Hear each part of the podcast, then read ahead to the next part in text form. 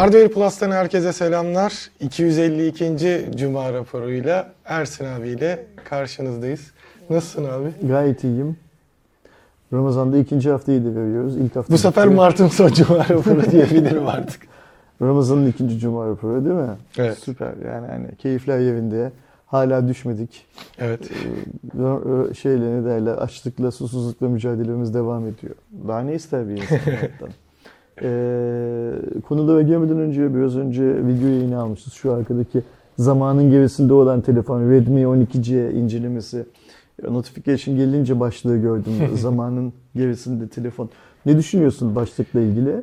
Yani, e, Eren mi attı o başlığı sen Eren- mi söyledin? Eren attı. Eren attı. Okey. Ne düşünüyorsun? Ki ya şeyde haklı. Niyeyse mesela hani Redmi ailesinde artık hepsini Type-C'ye vesaire dönmüşken bizde hani ilk telefonun haberini aldığımda da hani yeni bir telefon daha geliyor 5000 TL altı olacak. Aa ne kadar güzel dedim. Sonra ama micro USB koymuşlar deyince dedim ne alaka? 5000 TL altındaki başka telefonlarda Type-C var mı? Artık yani ben micro USB'li yeni çıkan bir telefon neredeyse hiç görmedim. Okey. Ee, peki e, Type-C micro, micro USB ayrımı zamanın gerisinde demek için şey mi ne derler? Tek Bence artık belirgin- yani sadece tabii ay bir diğer yandan tasarımında artık arkada parmak izi okuyucusu var vesaire hani ha, tek neden o değil Aynen yani. tabii. Birkaç senedir artık sadece alt seviyede gördüğümüz artık onlarda da görmediğimiz cihazlarda e, olan özelliklerin olması birazcık şey e, geride bırakıyor. Tabii burada şöyle düşünmek de lazım aslında. Hiçbir marka e, biz böyle isimlendirmesek bile böyle ürünlerle piyasaya çıkmak istemez. Yani şöyle düşün mesela diyelim ki bir şey imalatçısı ol. Ne imal ediyor ol? Atıyorum kaşar peyniri yapıyor ol. Bir mandıra ol. Hani böyle zamanın gerisinde oraya uygularsak sütü az kaşar peyniri yapmak istemez adam değil mi? Ya da mesela ne olsun işte müteahhit olsan balkonsuz ev yapmak istemezsin filan gibi öyle ya da otomobil olsan e, en kep puanı çok düşük olan bir otomobil yapmak istemezsin. Yapsan da piyasaya sürmezsin, geliştirirsin filan filan. Şimdi niye böyle bir telefon Türkiye'de pazara çıkıyor? Şu yüzden çıkıyor aslında. Türk insanının ekonomik durumu daha iyi olabilecek olan telefonları almaya çok uygun değil. Ve işte böyle 5000 lira diye bir limit var piyasada. Ve ne yazık ki biz artık 10 bin liranın altında doğru düzgün telefon yok derken halkımızın bir kısmı ister istemez e, cep telefonuna sadece 5000 lira şey yapabiliyor, e, bütçe ayırabiliyor. Yani adamın 5000 10 lirası yok telefona verecek. Ve o yüzden markalar sadece Xiaomi değil tüm markalar bu pozisyondaki vatandaşların da iletişim haklarını koruyabilmeleri için ya da pazarda iyi durumda ikinci el telefon avına çıkmalarını engellemek için. Çünkü ikinci el telefon dediğimiz şey ülkemizde bir şans, şans kadar kısmet meselesi. Yani Doğru. alıp iyi memnun da olabiliyorsun. Alıp yahu ne gerek vardı böyle bir şeye girdim filan da diyebiliyorsun. O yüzden böyle bir hikaye yapılıyor. Yani niye şunu söylemeye çalışıyorum. Mesela işte takvimler 2023 yılını gösteriyoruz. Ee, 2013 yılında bundan 10 yıl önce bu segmentte yani bu segment dediğim şey, şey normal USB'li filan söylemiyorum. Yani o günün şartlarına göre çok da e, iyi olmayan telefonlar piyasada olmuyor muydu? Oluyordu. Yine oluyordu. Hatta bakacak olursak bu operatörlerin verdiği cihazların tamamı aslında değil mi? Evet. Yani Turkcell'in T seviyesi de şeyin Avea'nın Intouch mıydı onlarınki? Evet Intaç. Intouch'ıydı. Vodafone'unkini unuttum. Onların da tamamı aslında Unuttum. bu seviyedeki cihazlardı. Ama o zamanlar e, insanlar mesela iki askeri ücretle amiral gemisi telefon alabiliyorlardı. Bu söylediğim zamanlardan yıllar sonra yani 2013'ten yıllar sonra 2017 filan gibi hatta belki daha sonra 2018 filan gibi hatırlamıyorum tam. Ben kalkıp şey demiştim işte bir 2500 liradan fazla bir cep telefonuna para verilmez ya bu ülkede Şu an filan. o fiyatta alabilecek telefon. Yani şunu söylemeye çalışıyorum. Evet dışarıdan baktığımız zaman bu Eren'in attığı zamanın gerisinde telefonu Redmi 12C incelemesindeki zamanın geride tanımı belki çok acımasız ya da alaycı görülebilir. Ama işte zamanın bir e, dinamiği var kendi içinde. Buna bazıları zamanın ruhu falan da diyorlar. E, dünya durduğu yerde durmuyor. Her şey çok hızlı gelişiyor, değişiyor e, gelişiyordan öte değişiyor her şey çok hızlı. Ve 10 yıl önceki bu segmentteki telefonlar çok fazla hmm, eleştirilmezlerken bugün artık e, diyorsun ya bak şimdi işte Type-C yok, tasarımı çok iyi değil, işte parmak izi okuyucusu arkada bilmem ne filan. Tabi burada şunu da unutmamak lazım. Mesela bize parmak izi okuyucusunun arkada olması büyük bir gelişme olarak sunulmuştu. İlk parmak izi arkada olan Aynen. telefonlar Evet. çıktığı zaman hani vay diyorduk ne kadar güzel böyle zaten parmak burada e, telefonu eline alana parmağını okut konuş Okut. bilmem ne filandı. Ama işte hani değişim böyle bir hikaye. Ve e, arkadaşlarımızdan da ricam aslında bu kadar çok konuşmamın nedeni hani bu işte Type-C'si bile yok bilmem ne filan dediğimiz cihazları aslında bazı başka dostlarımızın mecburen aldıkları cihazlar olduğunu unutmamamız lazım. Tabii, yani adamın e, zannediyor muyuz ki iPhone 14 Pro Max alacak parası var da onu almıyor gidiyor e, 12G alıyor. Parası ona yettiği için onu alıyor. Ya da o hattaki işlevini o görebildiği için. Yani mesela adam diyelim ki hatırlar mısın bir ara taksi şoförleri eski Nokia'ları walkie talkie gibi Evet. kullanıyorlardı. Evet, evet. Çünkü onları o lazımdı. Telsiz olarak kullanacak telefon lazımdı filan. İşte zaman böyle bir zaman. Ve geldiğimiz noktada da Türkiye'de artık her şey çok pahalı. Ee, çok küçük bir şey söyleyeyim. Bunu galiba şeyde de paylaştım. Ee, Twitter'da da paylaştım geçen gün. Geçen hafta mı? Pazartesi günü mü ne paylaştım? Ya da paylaşacaktım unuttum ekran görüntülerini falan aldım. Benim 17 ya da 27 Aralık 2022 günü satın aldığım bir şey var. Yemek sepetinin, yemek sepeti diyorum. Ha, bunu, evet. Trendyol'un yemek, yemeğinden sipariş vermişim. Evde çok tükettiğimiz bir şey doğuşla birlikte. Bir çiğ yemek alıyoruz, pişirip yiyoruz. Yarım kilo. Galiba e, aralığın sonunda bak çok eskiye gitmeyelim. Yani 2022 Aralık, 2022 Aralık neydi? Bizim pahalılıktan çok şikayet ettiğimiz bir dönemdi değil mi? Evet. O zaman da çok şikayet ediyorduk. 49 liraya mı 47 liraya mı ne almışım yarım kilosunu. Geçen hafta 110 liraya aldım yarım kilosunu. Bak e, aralığın ortası, ocağın ortası, Şubat'ın ortası, Mart'ın ortası derim 3 ay. Hadi 3,5 ay diyelim. Böyle bon.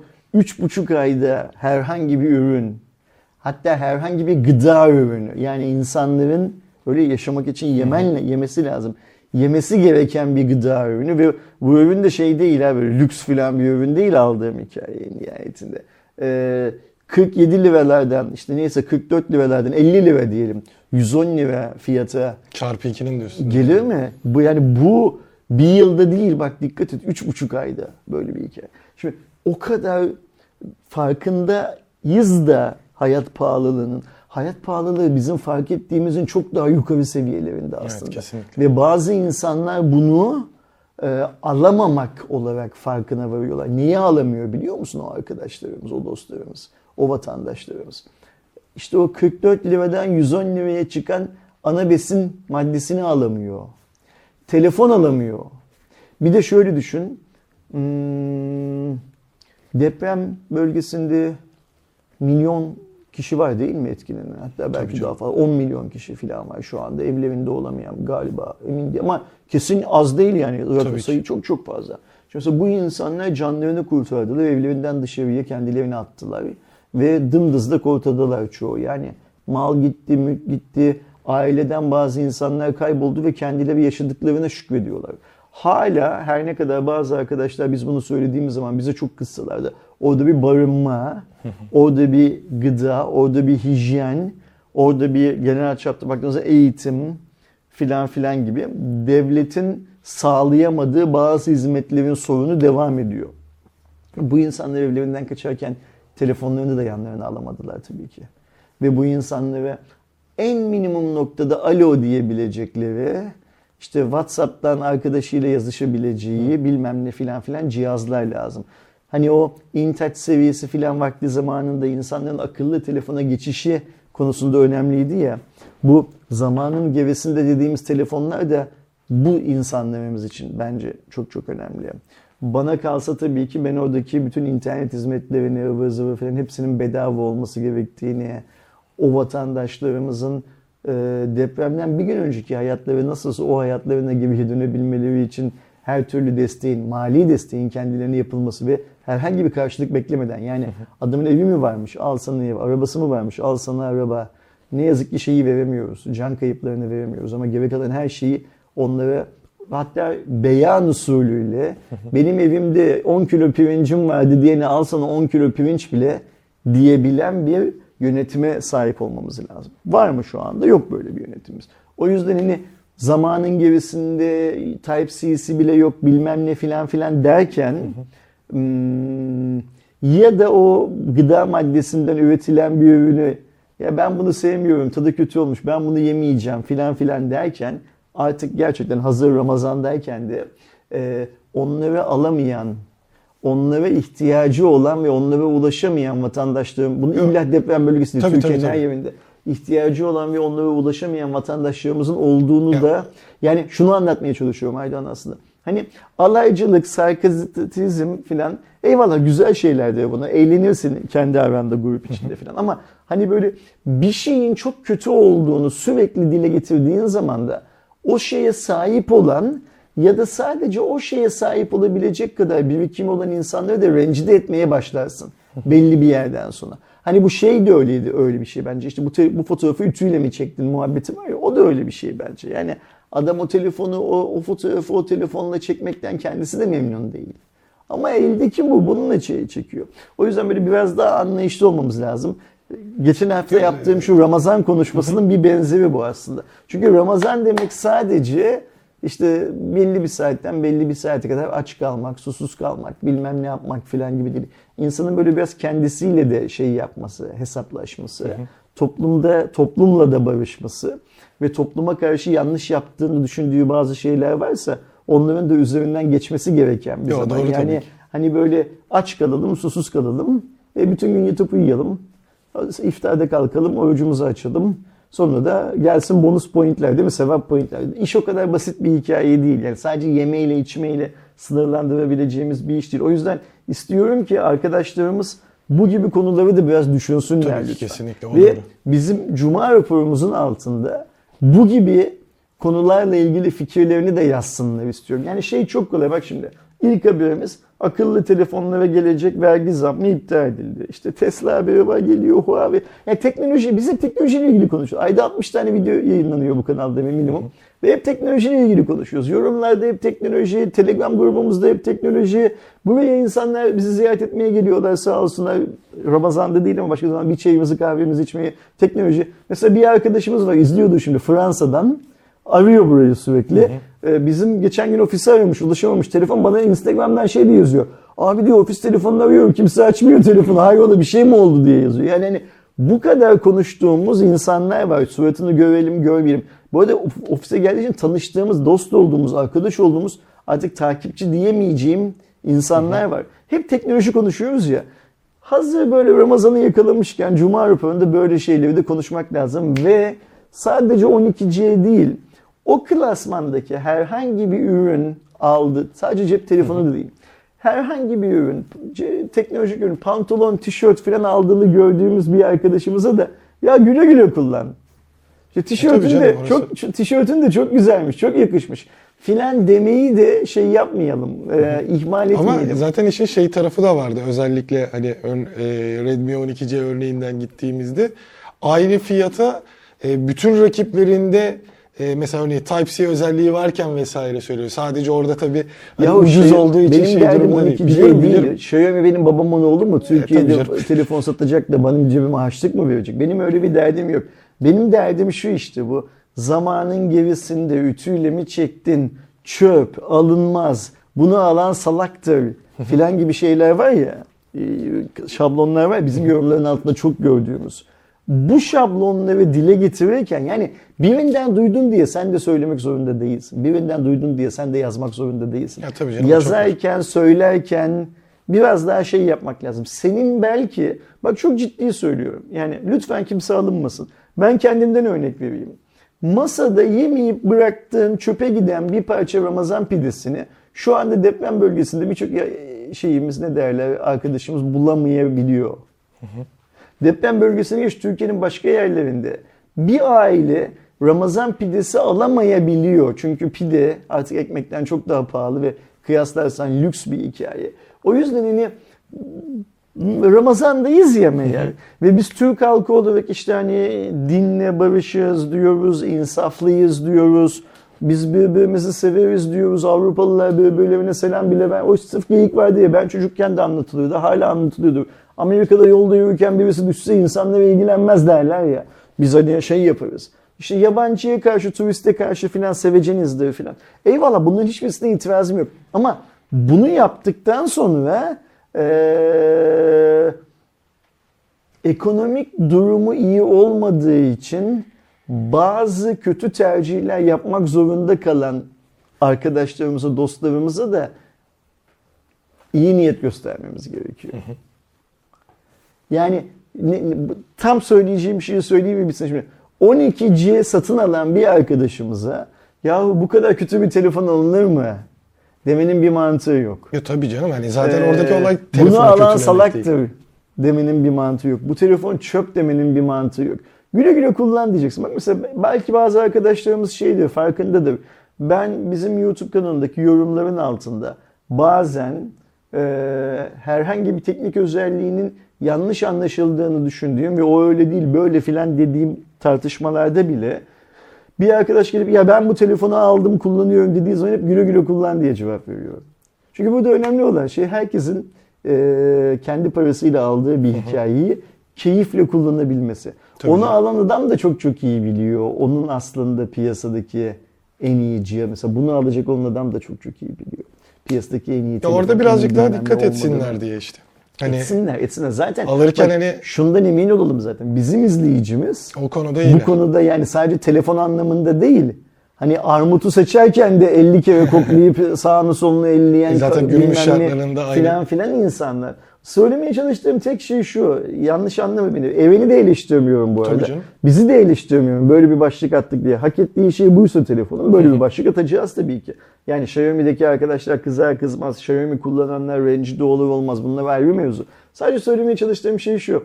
Ee, Türkiye artık bazı insanların ve o bazıları çok küçük bir grup değil. Bazı insanların bile bile e, kalitesiz ürünlere, kötü hizmetlere, lezzetsiz yemeklere mecbur kaldığı bir ülke haline gel- geldi.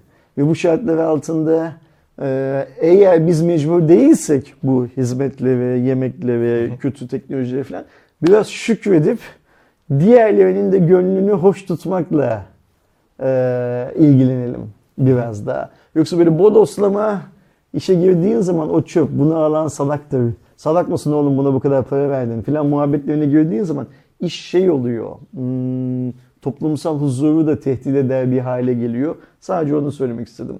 Çok uzun tuttum kusura bakma e, Estağfurullah. girişi. Hadi gel şu iptal edilen zam haberiyle başlayalım Cuma raporuna. Zaten e, geçtiğimiz haftalarda hatta tam bir ay önce e, 28 Şubat'ta ithalatта gözetim uygulamasına ilişkin tebliğde değişiklik yapılmasına dair tebliğ e, diye çıkmıştı ve 200 dolarlık bildiğimiz sınır 350 dolara yükseltilmişti ama şöyle de bir gariplik vardı.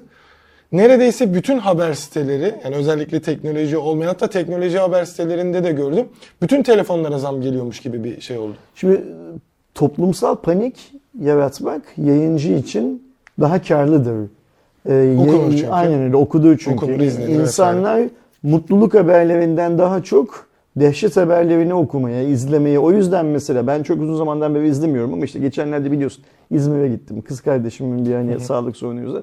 Evde bu mainstream kanallar açık tabii ki. Çünkü benim annem 85 yaşında. Yani hani o, o Netflix izleyecek hali yok. Onları izliyor. Mesela bir haber kanalı hangisiydi işte? Show muydu? Aa, ha, unuttum hangisi oldu. Haber bülteninin bu ana haber bülteni akşam saat prime time'da yayınlanan haber bülteni. Dörtte üçü o ona saldırdı. Şurada trafik kazası oldu. Bu bunu dövdü. Öbürü öbürünü şikayet etti. Kavga oldu. Şöyle oldu böyle oldu. Yani bir tane şey yok. Ekonomi haberi, dünya haber, işte kaynana kız gelinini kovdu, gelini damadı bıçakladı, bilmem ne oldu filan. Bu haberler ne yazık ki daha çok ama sırf Türkiye'de dünyanın her yerinde. Tabii, tabii. Dünyanın tüm az gelişmiş toplumlarında daha çok. Çok gelişmiş toplumlarında bile da, diğerlerine göre biraz daha fazla bu haberler okunuyor ve izleniyor. O yüzden de böyle bir dehşet yaratmak her şeye zam geliyor. Her şeye zam gelecek.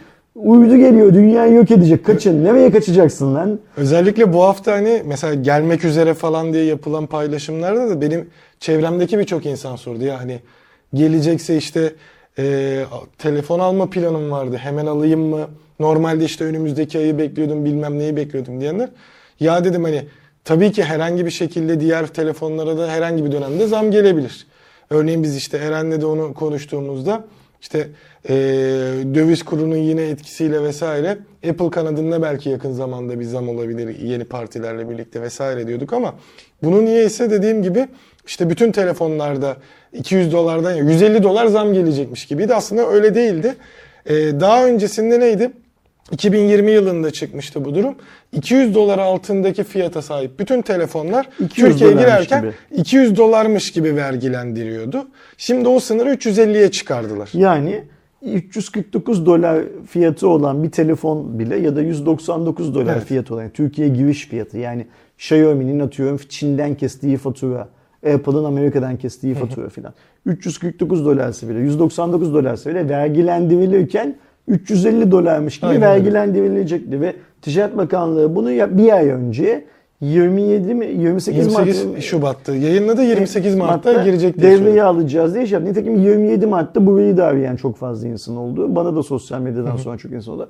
Alacağınız telefonun eğer değeri, ham değeri 350 doların altındaysa 350 doların ne kadar altındaysa o kadar fiyatı artacak te- teorik olarak Şey de diyenler çok oldu. İşte 250'den 350'ye olan farklı 2,5 1,5 2,5 gibi bir şey yapıyordu. İşte iki- her telefon 2000 lira Değil. zamlanacak. iPhone'ların hiçbirisi bu nedenle zamlanmayacak Aynen. mesela. Samsung'un ne A seviyesi ne S Belki seviyesi. A0 serisi vesaire Ben denk sıfırlar geliyordur. belki zamlanmayacak. Yani Kim zamlanacak? Şimdi bizim giriş segment dediğimiz zaten bak dikkat et bu e, gözetim uygulaması nedeniyle Türkiye'de ucuz telefon kalmamıştı. Evet, evet. Daha önce de. Biz gözetim uygulamasından önce e, işte biraz önce konuşuyoruz 12C sınıfındaki cihazları 2000 liraya falan alabiliyorduk. Aynen. Ama gözetim uygulaması 200 dolar gelince bunu da kim getirdi? Damat bakan getirdi Türk halkının başına. Onun getirdiği işlerden bir tanesi bu sadece. Mesela benim en üzüldüklerimden birisi de şey işte. Bir ülkeden Türkiye'ye o kadar posta geliyor. Bir bakın bakalım onlara dedim dedi Sayın Bakan o zaman. Bir anda Çin'den kabloydu, küçük kulaklıktı, şuydu buydu, komponentti getiremez olduk. Niye?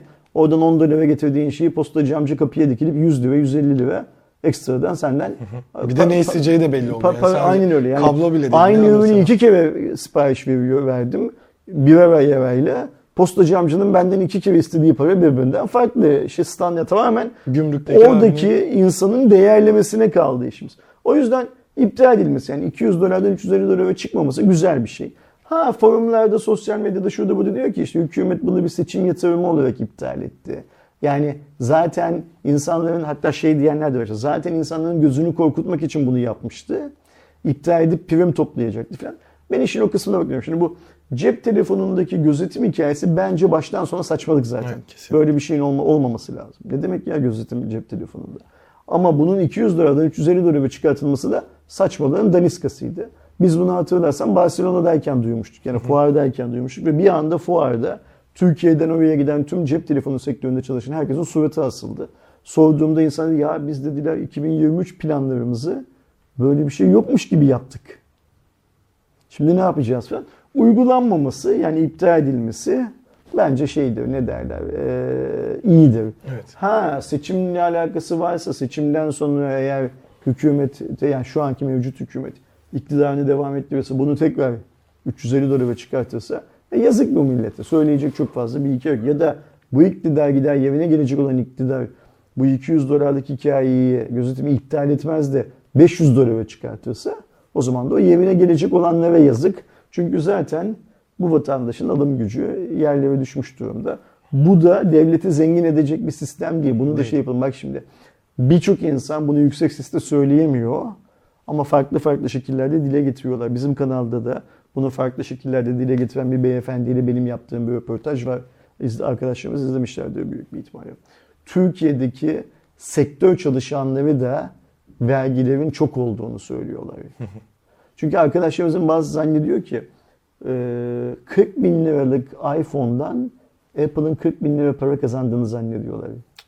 Apple oradan 15 bin ila 20 bin lira arasındaki bir parayı senin benim cebimden 40 bin lirayı alır almaz devlete ödüyor. Hatta bunların bir kısmını peşinen devlete ödeyip sonra senin benim cebimden almaya çalışıyor o parayı. Yani derdim Apple güzellemesi yapmak değil. Tüm markalar bu durumda. Bu sadece cep telefonu değil. Laptop tarafında da böyle kullandığın kulaklıkta da böyle evine aldığın Airfryer'da e, Bir de zaten akıllı robotta şunda bunda ikisine de gelecekmiş. hepsinde böyle. Yani o yüzden e, vergilerimiz çok fazla. Bu vergilerin indirilmesi lazım. Çıkartılmama kararı da politik bile olsa yani seçim yatırımı bile olsa benim içimi ferahlattı. Aman E tabii, çıkartılmasın. Ya birçok insan zaten işte ertelendiğini vesaire düşünüyor ama şu an için en azından iptal Erteleme durumunda. değil iptal diye duyuyorlar. Evet, Mesela yani onu iptal. e, Facebook'ta bana da Facebook diyorum hani Instagram'da bana da yazan bir iki arkadaşlar. Abi, abi iptal edilmedi ertelendi şey yapıyorlar işte. Hani bir, yani story çekmiş ya bir tane. Onu paylaşıyorlar benimle. Abi yanlış bilgi veriyorsunuz. İptal edilmedi, ertelendi. Ertelendi diye bir açıklama yok arkadaşlar. Resmi gazetede devlet geri çekilmesi diyor. kendi resmi yayın organı, organı olan resmi gazetede bunu ertelendi diye yazmadığınız sürece sen bunu ertelendi diyorsan yalan söylüyorsun. Devletin hakkını yiyorsun. Bak devlet her zaman bizim hakkımızı yemiyor. Biz de devletin hakkını yiyoruz. Ha ben bunun bir seçim yatırımı olduğunu ve bunu iptal ettik gibi görünüp aslında ertelediklerini düşünüyorum dersen o zaman bu başka bir hikaye. Senin böyle düşünmeye hakkın var. Sadece devletle ilgili değil de ananla, babanla, kendinle, sevgilinle, sevmediğinle, herkesle ilgili böyle düşünmeye hakkın var. Ama kafadan ertelendi. Yok bildiğimiz ertelenmedi, iptal edildi. Ha eğer hükümet bunu iptal ettim deyip aslında ertelediyse yani seçimden sonra tekrar pozisyonunu korursa önümüze koyarsa e o zaman da bu bu hükümete oy verenlerle o hükümet arasında bir sorun doğuyor. Ve bu sorundan ne yazık ki biz de etkileniyor oluruz. Yani herkes etkileniyor olacak. değil mi? Aynen öyle yani. Ertelenmedi. Şu anda iptal edildi. İptal edilmesi iyidir. Aa, İnşallah bir gün geliyor burada Cuma raporunda şu 200 dolar saçmalığının tamamen iptal edildiğini de konuşuruz yine. İşte ürün skalası artıyor. Yani biraz da insanlar tahminimce oradan oluyor. Yani hangi üründe bir ilgi varsa ki işte biraz önce saydığım Air gibi hani fryer, air fryer ve robot akıllı süpürgelere de bir gözetim geleceği söyleniyor ve Ya yine işte ucuz olanların hepsi pahalanacak. Bu aynı geliyor. şey mantığı Aydoğan işte bak şimdi o yine o bir ülkeden Türkiye'ye bir yığın zarf geliyor. Bakan açıkladı bunu ya. Ben keşke ben bir yerimden uyduruyor olsam bu lafı. Şimdi Türk insanı neyle ilgileniyorsa hükümet onu zorlaştırmaya çalışıyor. Oradan daha çok vergi almaya çalışıyor. Ama şunu çok net biliyoruz. Cep telefonlarındaki Türkiye'deki penetrasyon her ne kadar yüksek olsa da cep telefonları e, milli şey dış e, borç açığını arttırmıyor. Cep telefonları hala göreceli olarak ucuz, otomobil daha pahalı.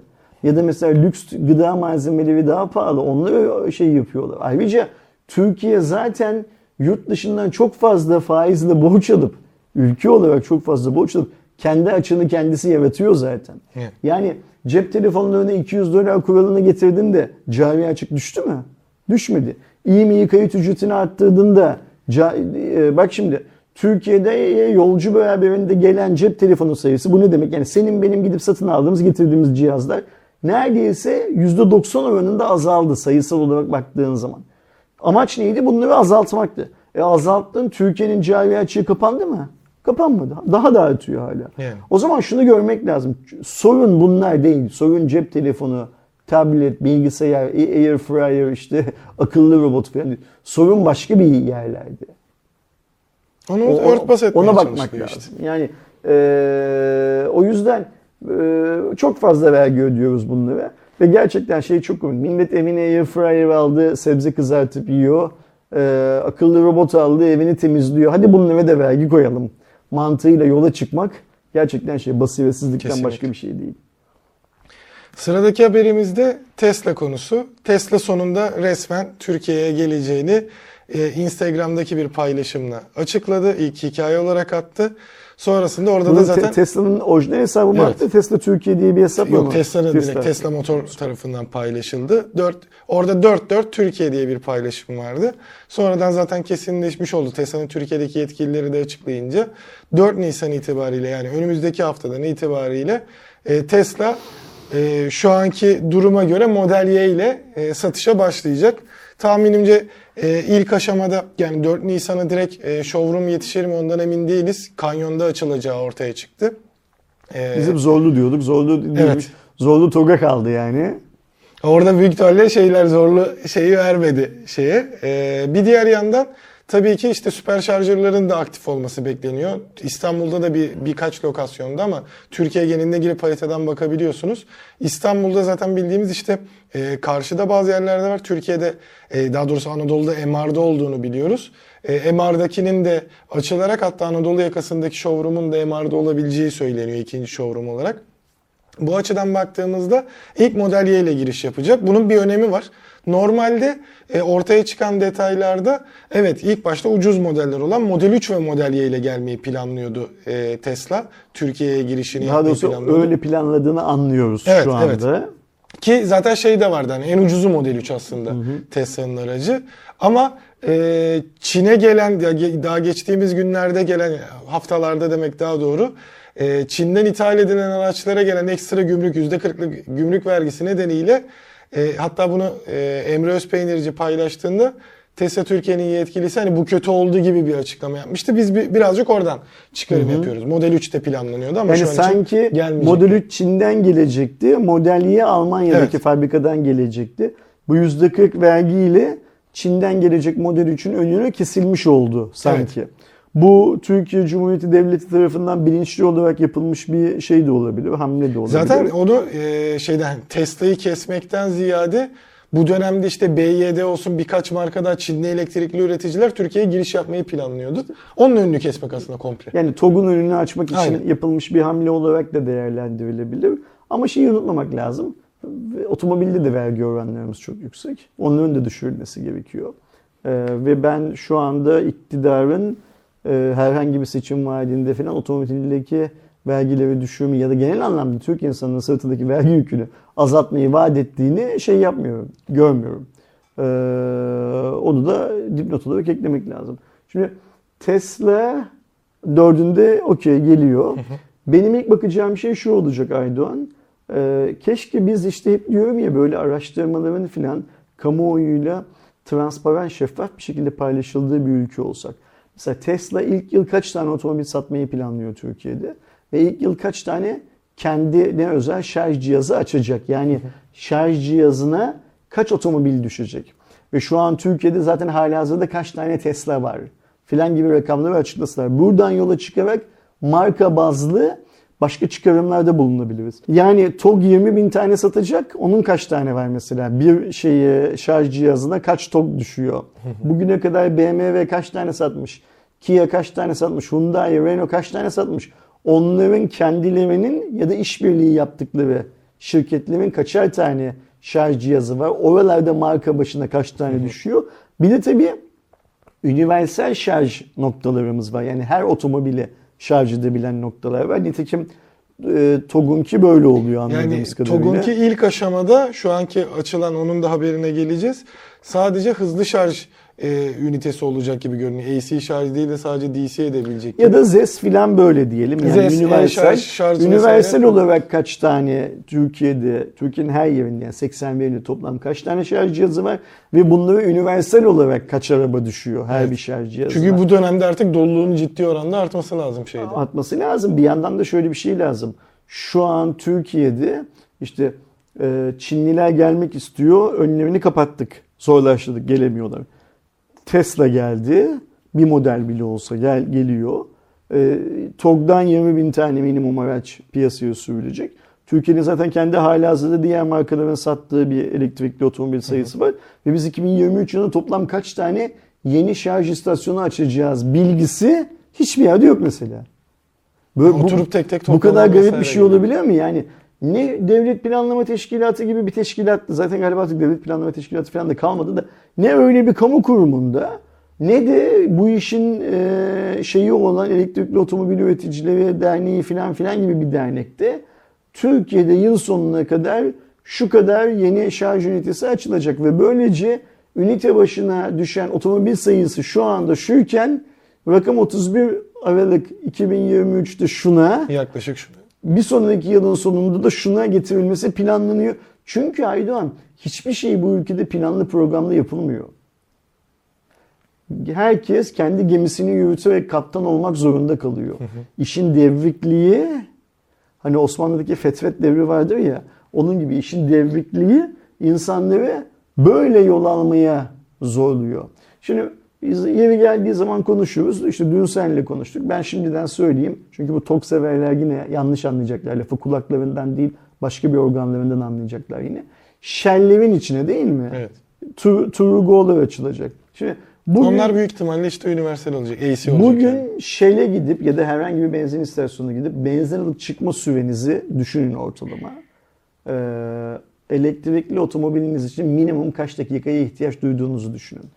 Ee, şimdi sen bana dedin ki Ümraniye Tepe üstündeki Shell'in içinde açılacakmış dedin değil mi? Şeyde o. uygulamalarda o görünüyor. İşte orası benim arada sırada benzin aldığım bir yer. Çok sık olmasa bile arada sırada benzin aldığım bir yer. Oradaki sirkülasyon arabanın cam suyunu doldurmana, lastiğe hava basmana izin vermiyor. O kadar fazla sirkülasyon var orada. Bir de tam yolun kenarında için marketinde de ayrı bir sirkülasyon var. Mesela sabah saatlerinde servisler giriyorlar o benzincinin içine. Servislerdeki insanlar inip marketten sigara alıyorlar. Yani bir kişi iniyor ya da 40 kişi iniyor. Birer tane sigara ya da 40 tane sigara birden alıp şeye biniyorlar. Ee, ve sen orada o sırada benzin paranı ödemek için sıra bekliyorsun. Eğer denk düşersen filan. Yani çok yoğun bir yer. Hayatın çok içinde olan bir istasyon. Sen nasıl o istasyonda arabanı bir saat orada tutup şey yapacaksın? Şarj edeceksin. Bir de işin şey tarafı var. Yoğunluk arttığında işin şey kısmı da başlayacak. Mesela diyelim işte Shell tepe üstü olabilir, Trugo olabilir, Zes olabilir, e-şarj olabilir. Ee, oradaki tabii şeylerin de hani e, e-şarjın da Zes'in de büyük ihtimalle sayı arttırma planı vardır bu sene içinde ama artık şeyleri ben bu sene kesin duyacağız gibi görüyorum. Özellikle e, yazdan sonrasında sonbahar ve kış aylarında hani şarj istasyonuna gittim. Rezervasyonluydu ya da orada ben ya- yani senin yol planın normalde şu anda işte ben bir kere mesela EQC ile gittiğimde tam şeydeki e, köprüdeki şeyle girdim o, o 3'teki orada bir yarım saat vakit e, harcamam gerekiyordu. Yanında AVM olduğu için girdim bir kahve içtim vesaire ama sen geldiğinde o istasyon doluysa bir de onun boşalmasını Aynen bekleyeceksin. öyle.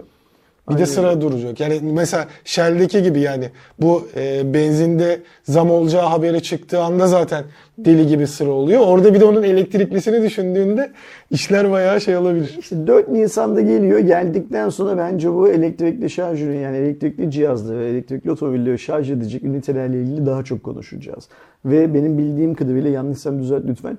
Tesla'nın kendi süper şarjları sadece Tesla'ları şey yapıyor, e, şarj Ee, bildiğim kadarıyla evet. Yani hani Tesla'nın eminim ben Türkiye'de çok fazla AVM'ye filan e, istasyonlar kuracaktır ya da kurulmasını teşvik edecektir.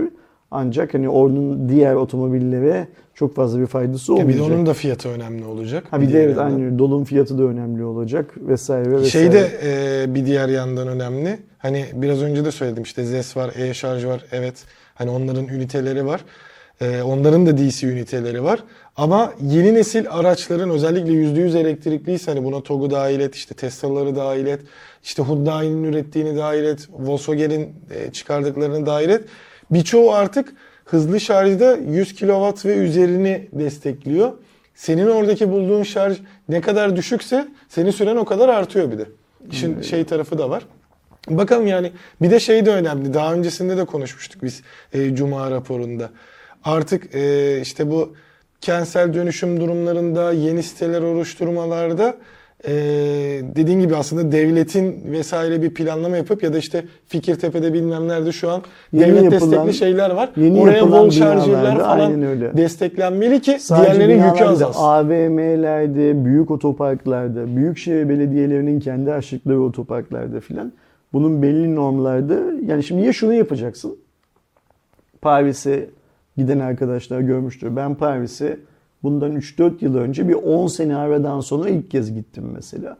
Paris sokakları şey doluydu. Ara sokaklar bile şarj üniteleriyle doluydu. Niye? Çünkü Renault, Niye? Çünkü Peugeot, niye? Çünkü Citroen filan.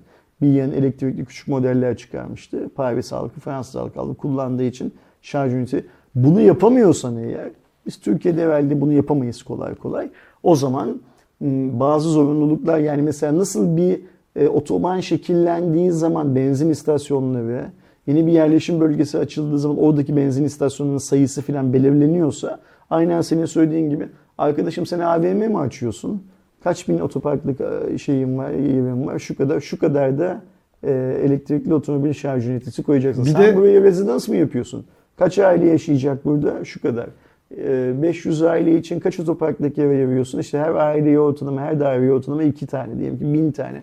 Okey 1000 tane de en az 15 tane, 20 tane elektrikli şarj ünitesi Şu an oraya koyacaksın e, filan diye e, bunların e, geriye dönmenin çok zor olduğu. Bak şimdi nerede geriye dönmekte çok zoruz. İstanbul'un imari yapısında geriye dönmekte çok zoruz. Niye? Zamanında bu önlemler alınmadığı için, buna benzer önlemler alınmadığı için. Geriye dönmenin çok zor olmadığı formüller bulunmak, bulunması gerekiyor. Bir de işin şey kısmı var. Ee, dikkat edenler illaki olmuştur. AVM'lerdeki e, elektrikli şarj istasyonları ya da otoyollarda işte dinlenme tesisinde, benzinlikte olan şarj istasyonlarına baktığınızda en, uz- en uzak noktaya koyuyorlar. Bunun sebebi ne? Çünkü bizde İşgal bilinç olmadığı edilmesin. için çat diye giriyor. Mesela bizim hemen aşağımızda bir tane Carrefour var. Yanlış hatırlamıyorsam e, bize MG'nin ilk ZTCVC geldiğinde mi? Biz çekim yapacaktık Fatih'le. Ben önden şarjını da doldurayım. E, çekim yaparken çok harcamış olursak sıkıntı olmasın diye aşağı indiğimde şarj edemedim. Çünkü oraya normal bir Şimdi onun benzinli karşısındaki Migros'a da Anadolu Anadolu Hisar Migros'a da bir tane koydu. Migros kendisi koydu. Orada da sürekli şeyler. Hemen AVM'nin girişine koydukları için e, jipleriyle gelen hanımefendiler hiç park etmiyorlar bile. Yan olarak yaklaşıp oraya arabalarını bırakıp alışverişe giriyorlar.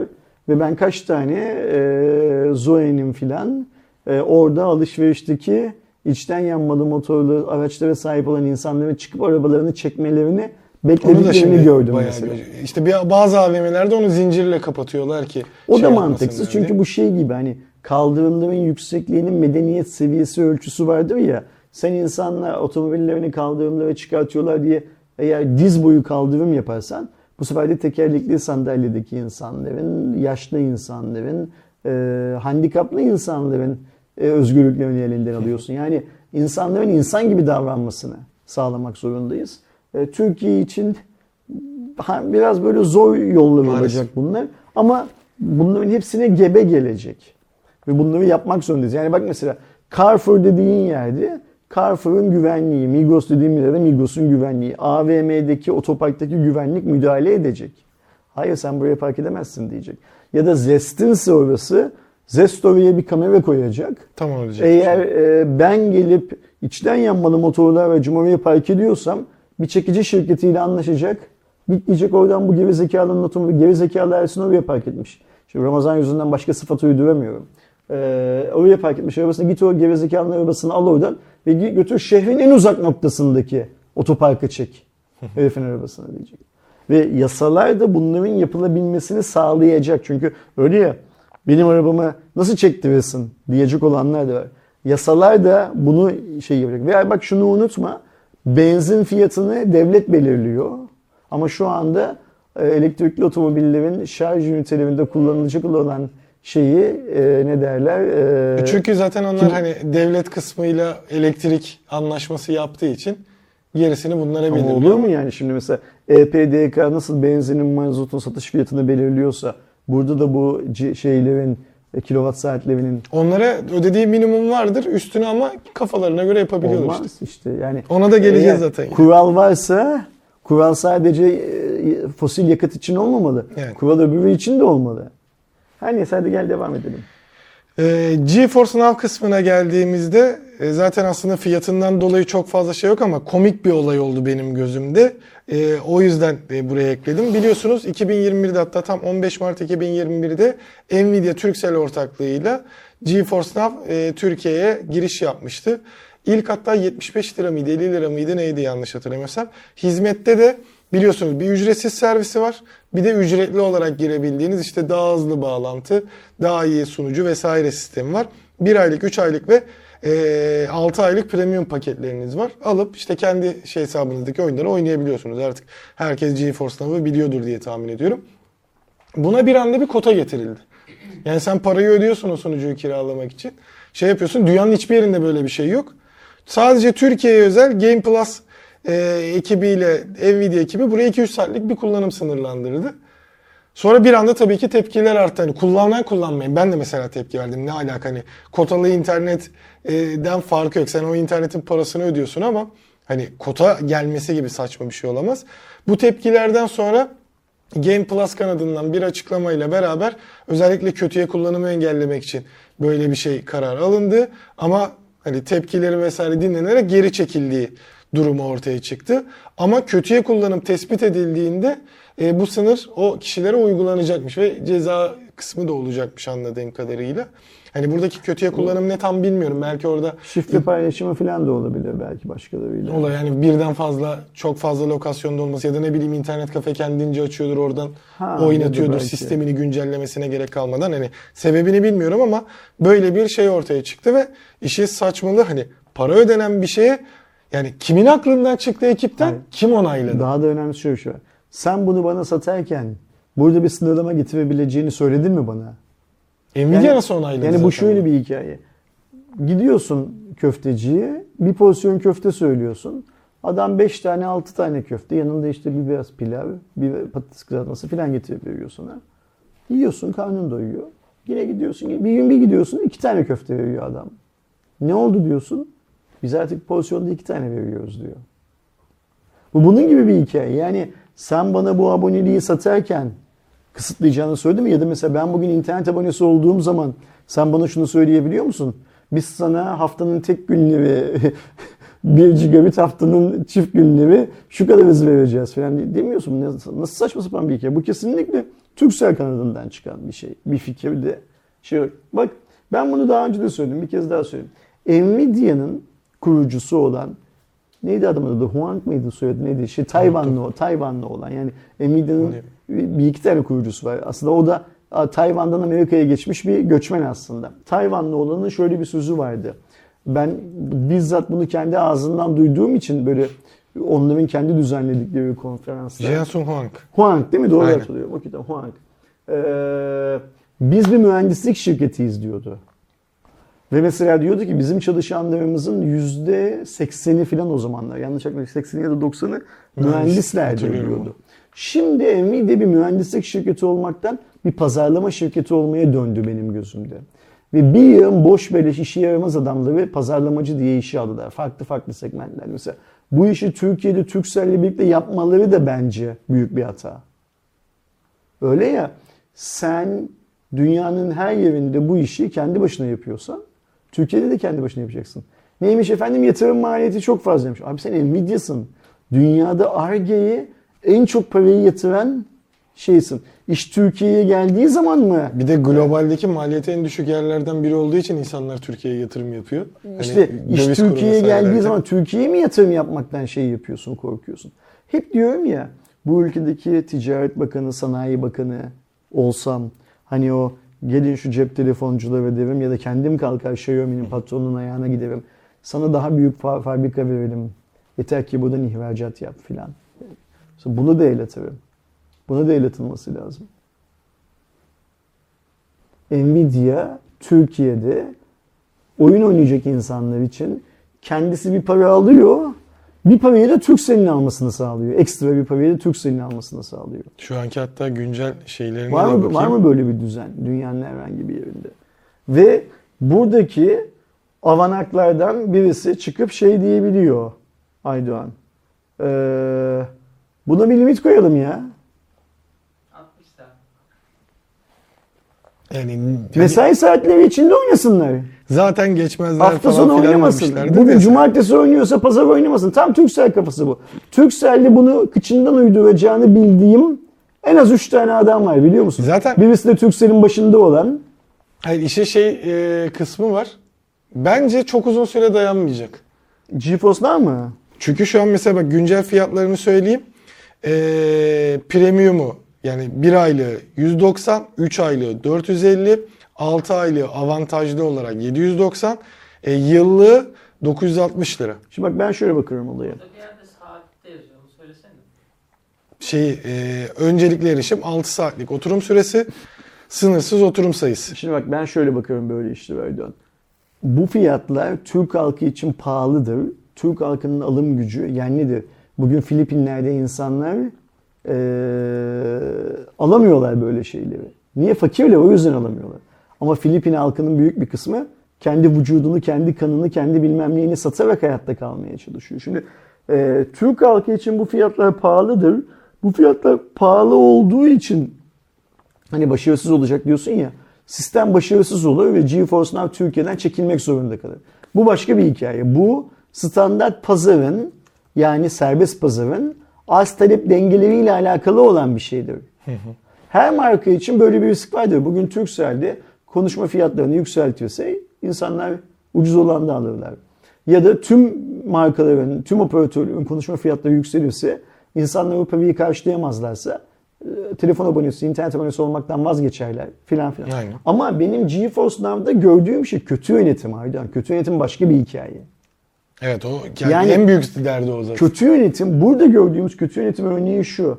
Sen abonenle, buradaki çünkü müşteri abone, öyle ya sen adama abone yapıyorsun, düzenli olarak o parayı alıyorsun. Abonenin zekasıyla dalga geçiyorsun sen. Lan ben şu adamları biraz daha salak yerine koyayım bakayım yutacaklar mı yapıyorsun? Yutarlarsa o gelsin paracıklar bir tane daha para sayma makinesi alalım modundasın. Yutmazlarsa da ne oluyor? E tamam geri çekelim. Yahu biraz saygınız olsun insanlar. Yani Türksel olarak Türk vatandaşına biraz saygınız olsun. Adınızda Türk var. Nvidia'nın bu Türkiye'de işe aldığı şaklaman heriflerin biraz Türk halkına saygısı olsun. Niye böyle saçma sapan işler yapıyoruz desin birisi. Kimse mi dememiş zaten ya da denmiş de geçmemiş mi onu Geç. anlamadım ben de. Geç geç hadi geç bir sonraki habere geç. Yine şimdi kötü kötü konuşacağım. Tok kısmına geldiğimizde Yine mi tok? Biraz önce tok konuştuk. asıl konusu burada. Ee, Tok tarafında biliyorsunuz kura çekilişi yapıldı. Ee, pazartesi günüydü yanlış hatırlamıyorsam. Tamamı mı çekildi bir kısmı mı çekildi? Tamamı. Tamamı çekildi. Okey. Yani 20 bin asil 20 bin yedek. Biliyorsunuz 12'den Ben 20 şimdi bine mesela çıktı. kuraya katılan bir insan olsam kazanıp kazanmadığımı kazanmadıysam paramı ne zaman geriye alacağımı gün olarak mesela Ersin senin paranı haftaya perşembe geriye vereceğiz gibi kazandıysam da Ersin otomobilini şu gün alacaksın ama öncesinde işin finansmanını şu tarihe kadar çözmen lazım gibi detayların tamamına sahip miyim? Ee, anladığım kadarıyla evet. Okey, tamam, süper. Çok güzel. Ee, şöyle zaten işte True, e, Trugo, yo, Truemore uygulamasına ya da işte TOG'un internet sitesine gidip çekiliş sonuçlarını görebiliyorsunuz. E, canlı yayında çekildi zaten YouTube'dan yapılan bir canlı yayınla beraber. Ee, eğer çıkmışsa zaten V2 donanımlı e, versiyonu Nisan ayından itibaren uzun ver şeyleri e, V1 ve V2 donanımlı kısa menzilli standart menzilli de e, Temmuz ayından itibaren e, dağıtıma başlayacak. Yani teslimatına başlayacak. Ama bakıp size çıkmadığını görmüşseniz e, iki hafta içerisinde yani 28'inden itibaren 4 Nisan değil 11 Nisan'a kadar hesabınıza ya da nasıl ödediyseniz e-cüzdanınıza e, şey iadesi yapılacak. Burada öyle bir durum olduğunu söyleyelim. Bir diğer yandan işte e, hediye sistemleri falan da var biliyorsunuz. O beklendiği süre sürekli size bir ekleme vesaire yapacaklardı. Şarj işlemi için bir sistem var. Ama şu anda 20 bin kişi belli olmuş oldu. Bir diğer yandan 20 bin yedek belli işte asillerden şey yapan çıkarsa hani hakkından feragat eden çıkarsa yedeklerden alınabilecek. Bu 20 bin kişinin de 2023 yılı teslimat olduğu vurgulanıyor. Yani 20 bin araç. 2024'de kalmayacak. yani. Evet. Hepsini bu yıl verecekler. Okey, Hatta toplamda 28 bin araç oluyor. Yani 8 bin de işte anladığım kadarıyla Kamuya kamu kısmına e, ayrılan e, kısım ama 20 bin kişi 20 bin tane TOG'u e, alabileceği söyleniyor. Bir diğer yandan Takvim peki halka açık mı? Yani eğer şeye katılmadıysan e, mesela biz görebiliyor muyuz? yok şu anda zaten sadece kazandığın kazanmadı yani asilsin yedeksin diye şey çıkıyordu ekranda çıkıyordu. Ha, belki ondan sonra onların uygulamalarına teslimat tarihi vesaire Okey. gibi şeyler verilmiş Onları olabilir. bırak. Biz TOG çekilişine katılmayan insanlar olarak TOG'un bu 20 bin tane otomobili hatta 28 bin tane otomobili hangi takvimde teslim edeceğini TOG'un web sitesinde görebiliyor muyuz? Şu an tek e, verilen bilgide işte V2 uzun menziller Nisan'dan itibaren V1 ile V2'nin standart menzilleri Yine bir transparanlık, şeffaflık, halkı bilgilendirme kaygısı yok Büyük yani. ihtimalle ya belki Ne yapacaklar? Gece saat süreçte- 11'de arayacaklar. Ersin gel arabanı yarın al deyip kapatacaklar mı telefonu? Yani hani böyle mi çalışacak? Ben Tok beni ara deyip Hatta sen İstanbul'dasın. Senin arabayı Kars'tan teslim edeceğiz. Koşu koşu Yok gelmeyecekler. onunla alakalı daha öncesinde şey paylaşıldı. İşte eee, mobil istasyonlar vesaire olacakmış. Yani eee, ya işte belli noktalara gelip alman gerekecek ya da senin şehrine tamam bak şimdi geldiğinde. bunları biliyoruz. Belli nokta neresi?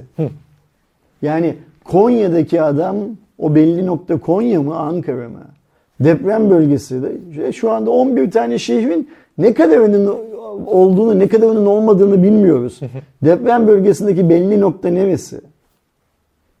Onlar da İstanbul'un bile bir ucundan bir ucuna 100 kilometreden fazla. O yüzden hani bu belli noktalar bilmem ne bunlar eee, günü kurtarma söylemleri. TOG en başından beri bunu yapıyor zaten. En başından beri günü kurtarmak için kıvırıyor. Yuvarlak cümleler kuruyor. Ha şey demişler teslimat tarihi belirlenirken seçilen konfigürasyonun yaklaşık teslimat dönemi ve e, kullanıcının çekiliş sıraması, sıralamasındaki yeri şey olacakmış. Hmm, önem arz edecekmiş. Ya kaçıncı sırada olduğun çekilişteki Yüksek matematik gerektiren bir sistem kurmuşlar. Yani Aynen. insanların kendi durumlarını öğrenebilmeleri için ilk önce bir şey e, yüksek matematik eğitimi almaları gerekiyor. zaman zaman Ona ya- göre. zaten Okey. işte haftada bir bir bültenle hani bir şeyi daha açıklıyorlar. Haftada bir Türk halkının şeyine e, bir parmak bal çalıyorlar sağ olsunlar. E, merakla bekliyoruz şu otomobilleri bir an önce teslim etsinler artık. Yani iki, Yani aslında artık bir ay içerisinde ilk teslimat İnşallah. yapıldığı yollarda vesaire tekrar göreceğiz. söyleyelim biz TOK kullanan, TOK sahibi olan arkadaşlardan mutlaka kanalımıza sizin görüşünüz seviyesinde katılmalarını bekliyoruz. Sizin yoksa bile bir akrabanız, eşiniz, dostunuz, komşunuz eğer TOG alırsa lütfen kendisine söyleyin. Türkiye'de Hardware Plus diye bir kanal var ve bu kanalda böyle insanların kendi sahip oldukları ürünleri anlattıkları bir seviye var. Zamanın varsa sen de katıl filan diye söyleyin. Biz de böylece bu arkadaşlarımızın eee, çünkü ben şuna inanıyorum Aydoğan. Kullanıcısından daha net bilgiler alacağız büyük bir ihtimalle. Yani menzilin ne olduğunu o bize söyleyecek. Tabii ki. Zaten WLTP Ee, değeriyle standart kullanım çok farklı. Kaç liraya doldurduğunu o bize söyleyecek. Diyecek ki şuraya gidersem bu kadarı dolduruyorum, buraya gidersem o kadarı dolduruyorum bilmem ne filan filan. Ya da o benim çok merak ettiğim istasyon sayısının yeterli olup olmadığı bilgisini o arkadaşlar bize verecekler. Ayrıca e, çok uzun bir yolun başındayız. Mesela şunları da görmemiz gerekiyor bir an önce. E, çünkü TOG bunları da açıklamıyor ne yazık ki. Boşla anlaştık deyip kestirip attılar. Adam park ederken çöp kutusuna çizdi arabasını. Mesela bugün dün aldığın bir arabayı park ederken çöp kutusuna çizersen ne yaparsın? Ya arabayı aldığın yere geriye götürürsün yani yetkili servise ya da sanayiye geriye götürürsün. Şimdi nereye götüreceksin mesela? Yetkili servis tek servis boş mu olacak? Yani böyle bu küçük e, hani sigorta şirketlerinin ne diyorlar ona küçük tamirat mı diyorlar? Öyle bir şey diyorlar. O merkezleriyle de bir anlaşma yapılacak mı 81 ilde? Mesela bunların hepsini bilmemiz lazım. Bir ay içerisinde parça parça olacak abi. Kısmet- bir diğer yandan kısmetse- işte kısmetse öğreniriz. e, kısmet konuştuğumuz değilse- TrueGo da dün itibariyle aktif e, olmaya başladı. Yani uygulama açıldı ve oradan konumları vesaire de görebiliyorsunuz. Ve bir diğer yandan tabii ki şarj maliyeti de ortaya çıkmış oldu. E, TrueGo'nun 80 180 kW ve 300 kW'lık istasyonlarında tek fiyat açıklandı. Birim başına 8 lira 7,99 yani kilowatt saat başına. Birin başına 7 virgül, kilowatt saat başına. Ee, 7,99 lira olarak açıklanmış oldu. Ee, buradan zaten işte küçük daha doğrusu standart menzilli e, TOG'un 418,6 liraya tamamen sıfırdan yüze e, dolması kilometre başına işte en- enerjisi de 1,33'e geldiği söyleniyor. Uzun menzilli en pahalı olan TOG'u 707 liraya fulluyorsunuz sıfırdan. E, 1.35'te ortalama e, kilometre başına harcadığı enerji ortaya çıkıyor. Burada bu TL olarak Aydoğan'ın dile getirdiği değerlerin ideal rakamlar üzerinden hesaplandığını unutmayalım. Yani bu şey gibi e, arabaların ve içten yanmalı motora sahip olan arabaların web sitelerinde ya da kullanım kılavuzlarındaki 100 kilometre ve ne yakar hesabına benzer Aynen. bir hesap olduğunu. Eğer sen Aydoğan'ın bahsettiği kısa menzilli arabayı alıp 314 kilometre gidersen Evet. ve Ki cihazını. TOG'da, TOG'un kendi şarj cihazında şarj edersen e, kilometresi 1.33 liraya mal olacak sana. Ki Sen TOG'un şarj cihazında otomobilini şarj edip 314 kilometreden daha çok yol alırsan birim fiyat düşecek. Daha az yol alırsan birim fiyat artacak. O Yani. yüzden bunları diyorum ya kullanıcıdan duyacağız. Çünkü onun Adam işte belki diyecek ki ben evde şarj ediyorum diyecek. Benim evim buna müsait. Geceden takıyorum. Elektrik faturam şu kadar arttı diyecek.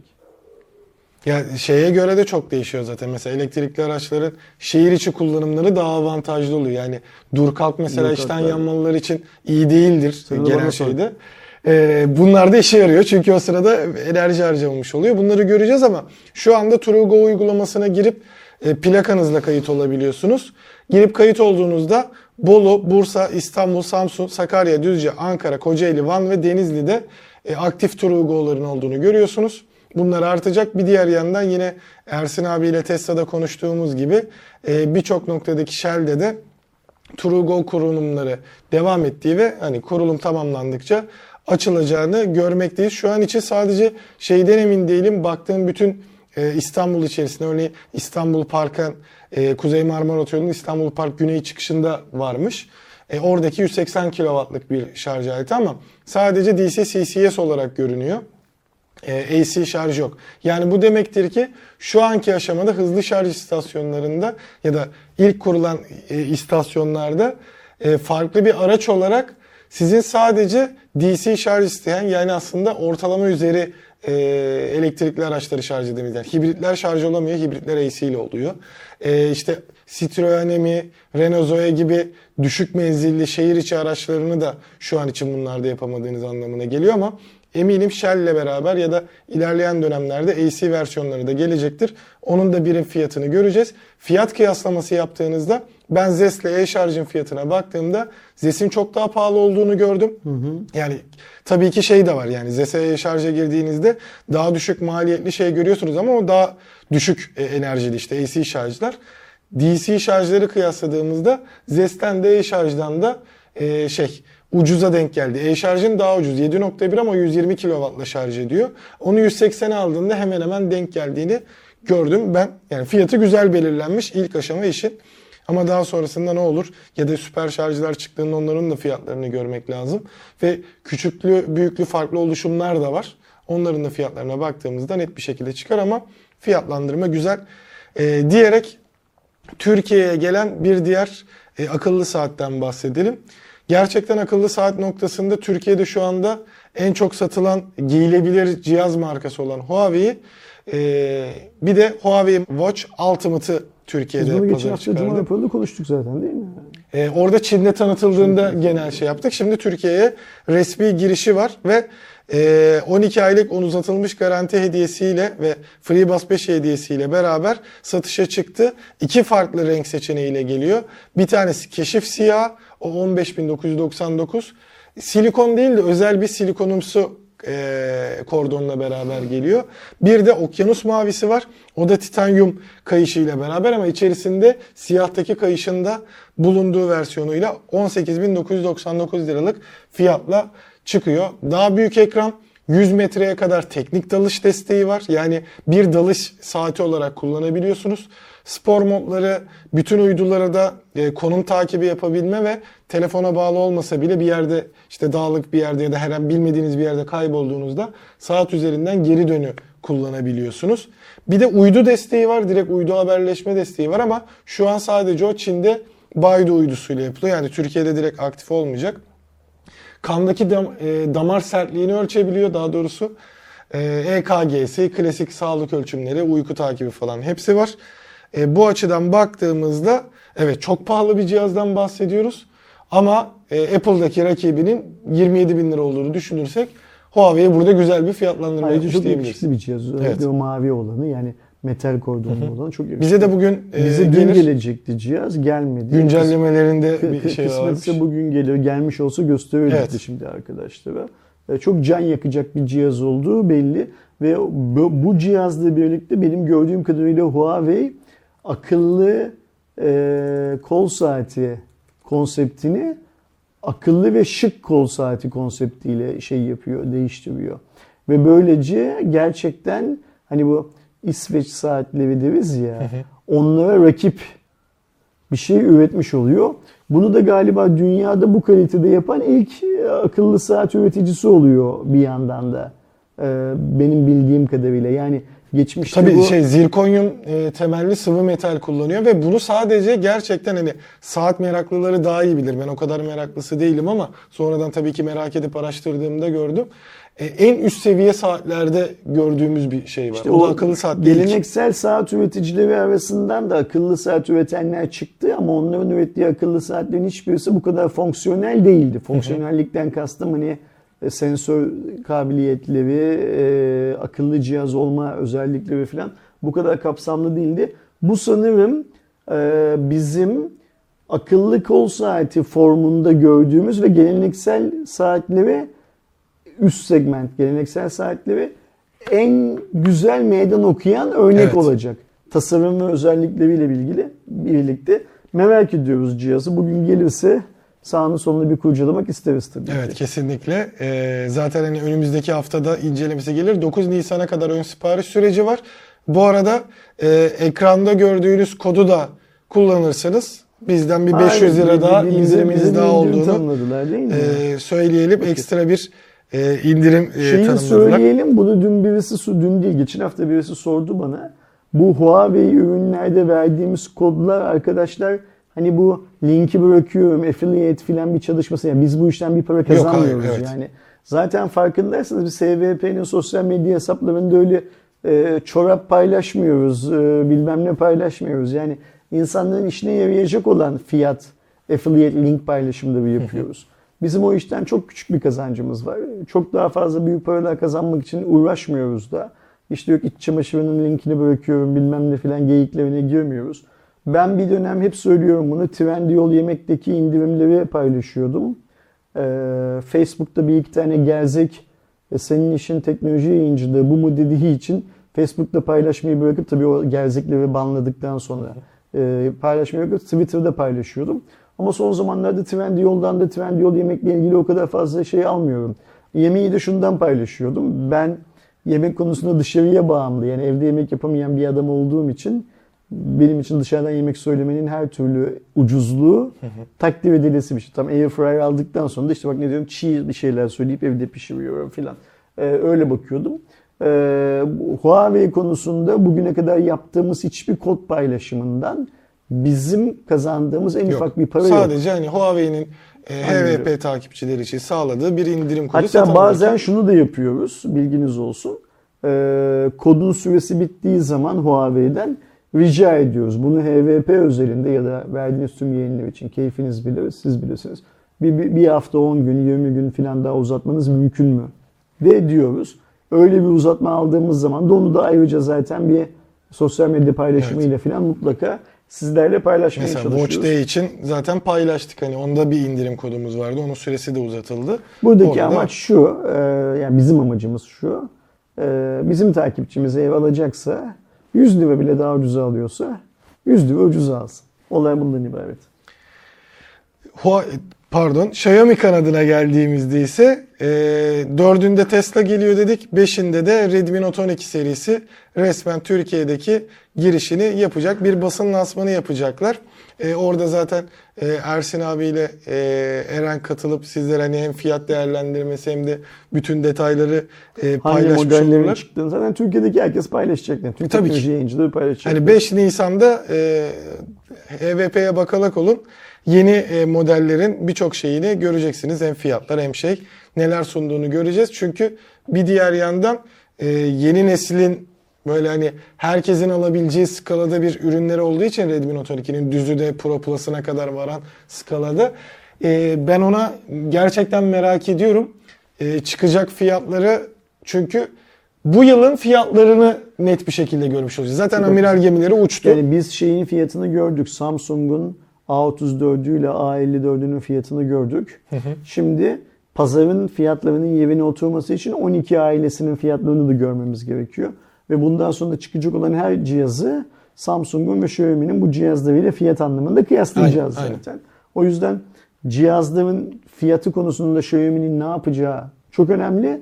Ama bu cihazlar da hangilerinin Türkiye'ye geleceğini bilmemekle, hangi konfigürasyonların Türkiye'ye geleceğini bilmemekle birlikte bu cihazlar da bu yıl için çok önemli cihazlar. Beni hep söylüyorum ilk kez uzunca bir zamandan beri heyecanlandıran bir seviye. Note 12 seviyesi. Ee, heyecanlanmamın nedeni de orta segmentte görmeye alışık olmadığımız özellikleri barındırıyor olması. Hepsi değil, bütün seviyenin bütün parametre oyuncuları değil ama umarım Türkiye'de de o üstün özellikli versiyonlar satışa çıkacaktır. Merak ediyorum. Bir sonraki haber geçmeden önce şeyi söyle. Niye Eren'le ben gidiyoruz? Ha, onu da e, söylemiş olalım. Ben önümüzdeki hafta hatta yarın itibariyle bir e, bir haftalık yurt dışı e, tatili yapacağız. O yüzden ben Redmi Note 12'de vesaire e, şey yer alamayacağım. Ama tabii ki merakla takip edeceğim ben de fiyatlar ne olmuş diyerek. WhatsApp kısmına geldiğimizde e, biz de dün fark edince hemen e, yayınladık. Daha öncesinde paylaşmıştık yanlış hatırlamıyorsam. WhatsApp hesabınızı Android tabletlerde kullanma özelliği gelmişti. Tıpkı WhatsApp Web gibi QR kodu okutup geçebiliyordunuz. Şu anda artık e, telefonlarda da var. Yani siz bir iş gereği ya da işte keyfi olabilir, farklı farklı nedenlerle olabilir. Birden fazla cihaz kullanıyor ve o cihazda her ikisinde de akıllı telefonda aynı WhatsApp'ı kullanmak istiyorsanız sonunda WhatsApp bunu şu an için anladığım kadarıyla beta'da getirmiş oldu. E, Android kullanıcıları burada da ben e, o şeyleri, time kodları yazdığım yere linkini bırakırım. O linkten indirebileceğiniz zaten hani e, güvenilir bir yerden beta versiyonunu indirip kurduğunuzda diğer cihazlarınızda da artık e, tıpkı WhatsApp web'e girer gibi diğer telefondan okutup görebiliyorsunuz. Ben detayları dediğim gibi videoda aktardım. Birçok kişinin işine yarayabilecek bir şey ama şey diyen de çok bu çok ev yıkar işte ilişki bitirir falan diye. Ben dün akşam öyle tweet attım ya. İlişki Onun bitiren çok güzel bir şeyi var. İki adımlı doğrulamanız açıksa ki artık galiba varsayılan olarak yapıyor. WhatsApp web'e girmek istediğinizde bir telefonunuzda biyometrik güvenlik açıksa biyometrik güvenlik Videonun istiyor. altında benim anlam veremediğim bir iki tane soru var. Ee, o soruların hepsinin cevabı videoda var aslında. Ee, yani bu şeyle alakalı işte. Ana cihazdan bilmem neyi kapatırsam şuradan şöyle olur mu falan. Yok WhatsApp web'i şu an ben şu telefonu kapatsam eee, yani benim asıl WhatsApp'ım burada. Kapattığınızda artık WhatsApp web'i kullanmaya devam ettiğiniz gibi sizin ana telefonunuz kapalı olsa da yani internete bağlı olmasa da diğer cihaz internete bağlı olduğu Bu sürece soruların kullanabiliyorsunuz. tamamının cevabı videoda var. Ee, WhatsApp bunu bir hizmet olarak veriyor. Ama birçok ülkede birçok ilişkiyi batıracak, bitirecek bir hizmetle olduğunu şey yapmamak Ya şey lazım. şartı gelebilir tabii. Birden fazla cihazda kullanıyorsa en azından ilişkilerde senin telefonunda da benim WhatsApp'ım olsun. İşte çünkü birçok telefon WhatsApp'ı klonlayabiliyor uygulamayı en azından. Yani birden Kullanmayı- fazla. Yani burada işte şey şu işte eşlerden birisi erkek ya da kadın fark etmez.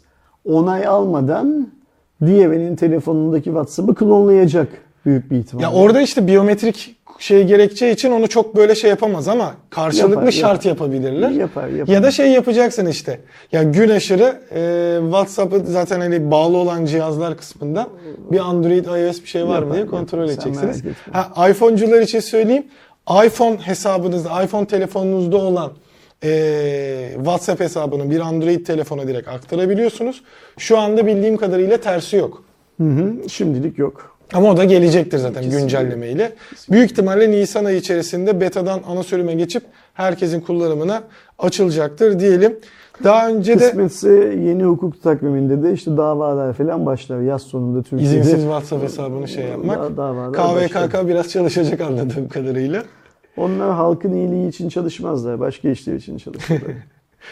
Mevzuya geldiğimizde biliyorsunuz aslında Türkiye'de gerçekten bizim de çok sevdiğimiz e, 16. ile Olsa da fiyat sevsek. performans dengesiyle çok şey yaptığımız mevzu e, Geely'nin yani Volvo'nun sahip Volvo'ya da sahip olan e, Çinli firmanın satın aldıktan sonra ilk modellerini ortaya çıkardı. Geliyor diye daha önce duyurmuştuk.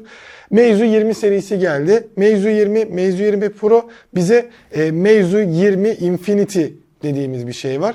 O Infinity'nin vurgusu anladığım kadarıyla çok ince çerçeveleri olması. Ama şöyle bir çakallık yapmışlar. Onu dün biz Eren'le fark ettik. Basın e, görsellerinde gerçekten çerçevesizmiş gibi görünüyor. Etkinliğe Çin'de katılıp fotoğrafı çekenlerde çerçeveyi görüyorsun. Ama çok ince yani. İnceliğine şey ama çerçevesiz de değil onu söyleyelim. Ee, özelliklerine baktığımızda Meizu 20 Pro'da 6,81 inçlik 2K çözünürlüğünde 120 Hz LTPO ve OLED ekran var. 8 Gen 2 kullanıyor. Üçlü 50 megapiksellik bir sensörümüz var. 8K video çekebiliyor. 32 megapiksellik ön kameramız var. 12 GB RAM bütün versiyonlarda standart. 128, 256, 512 depolama alanı. 5000 mAh'i de 80 Watt'la şarj ediyor. Düz Meizu 20'ye baktığımızda yine 8 Gen 2'li ama 6,55 inçlik Full HD Plus 120 Hz bir OLED ekran var. LTPO teknolojisi yok. 50 megapiksel ana 16 ultra geniş ve 5 megapiksellik yardımcı kamera. 32 ön 12 RAM standart demiştik. Yine 128, 256, 512 depolama. 4700 mAh'lik bataryası var. 67 ile şarj ediyor. Infinity'ye geldiğimizde ekran şeye benzer, Pro'ya benzer ama 6,79 inç var. Boyutunu çok daha işte geniş tutabildikleri için şey yapmışlar. 50 12 12 kamera dizilimi var. 256 ve 512 depolama desteği 4800'ü de 65 ile şarj ediyor. Fiyatlara baktığımızda 436 dolardan 1236 dolara kadar çıkıyor. Ee, yani güzel telefonlar ama işte üst fiyatla baktığımız zaman Çin içinde ucuz değil bu telefonlar. Yani 1200 dolarlar falan Çin içinde ucuz olmayan fiyatlar. Kesinlikle. Ee, Geely'nin bu mevzu telefon işine nasıl bakacağını henüz bilmiyoruz. Yani satın aldık telefon çıkartalım diye mi baktılar yoksa satın aldık ve artık telefon çıkartmaya tekrar başlamanın zamanı geldi diye mi bakıyorlar? Ee, mevzu bizim sevdiğimiz bir marka. Keşke Türkiye'de de olsa sevmeye devam etsek Yani ama artık öyle bir- Türkiye'de yoklar. Pazardan çıktı marka olarak.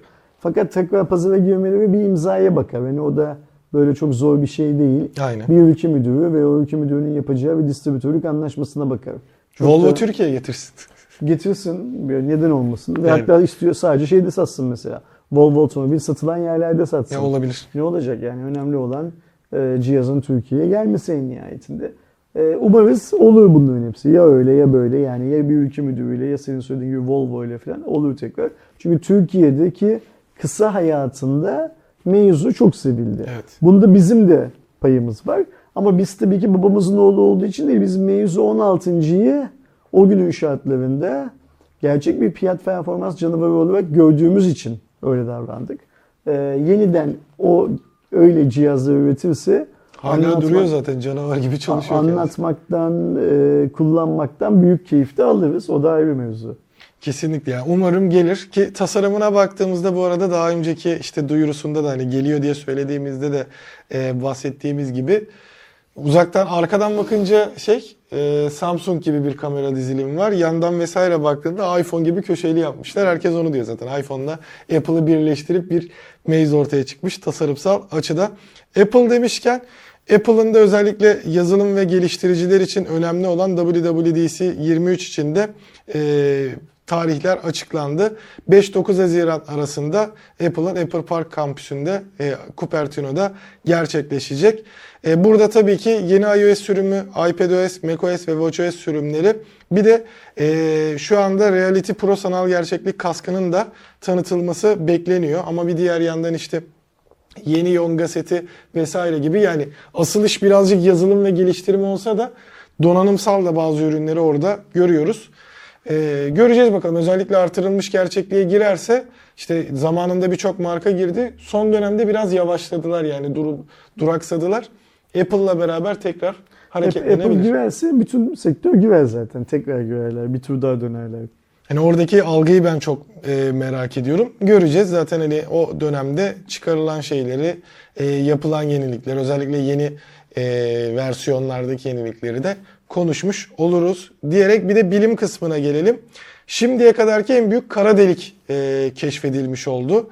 Tabii ki gökbilimciler tarafından e, yapılan araştırmada Abel 1201 galaksi kümesinde bulunan bir kara delik keşfedildi.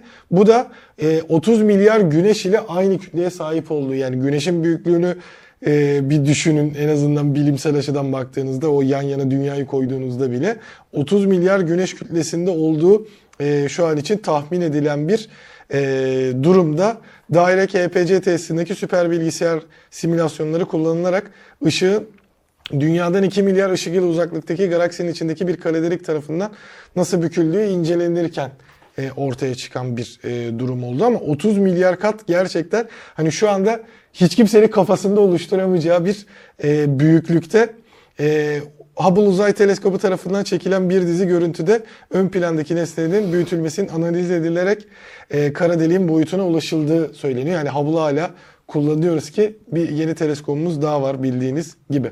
O kadar bü- büyük bir şeyden bahsediyoruz ki bizim anlayabilmemiz sanırım şey değil, çok mümkün değil. O yüzden Ya söylemesi kolay böyle 30 Tabii, milyar. tabii. 30 milyarı yazmak var bir de. topu Zaten. bilim adamlarına bırakmak lazım. Ee, onlar zaten olayın üstünde çalışıyorlar.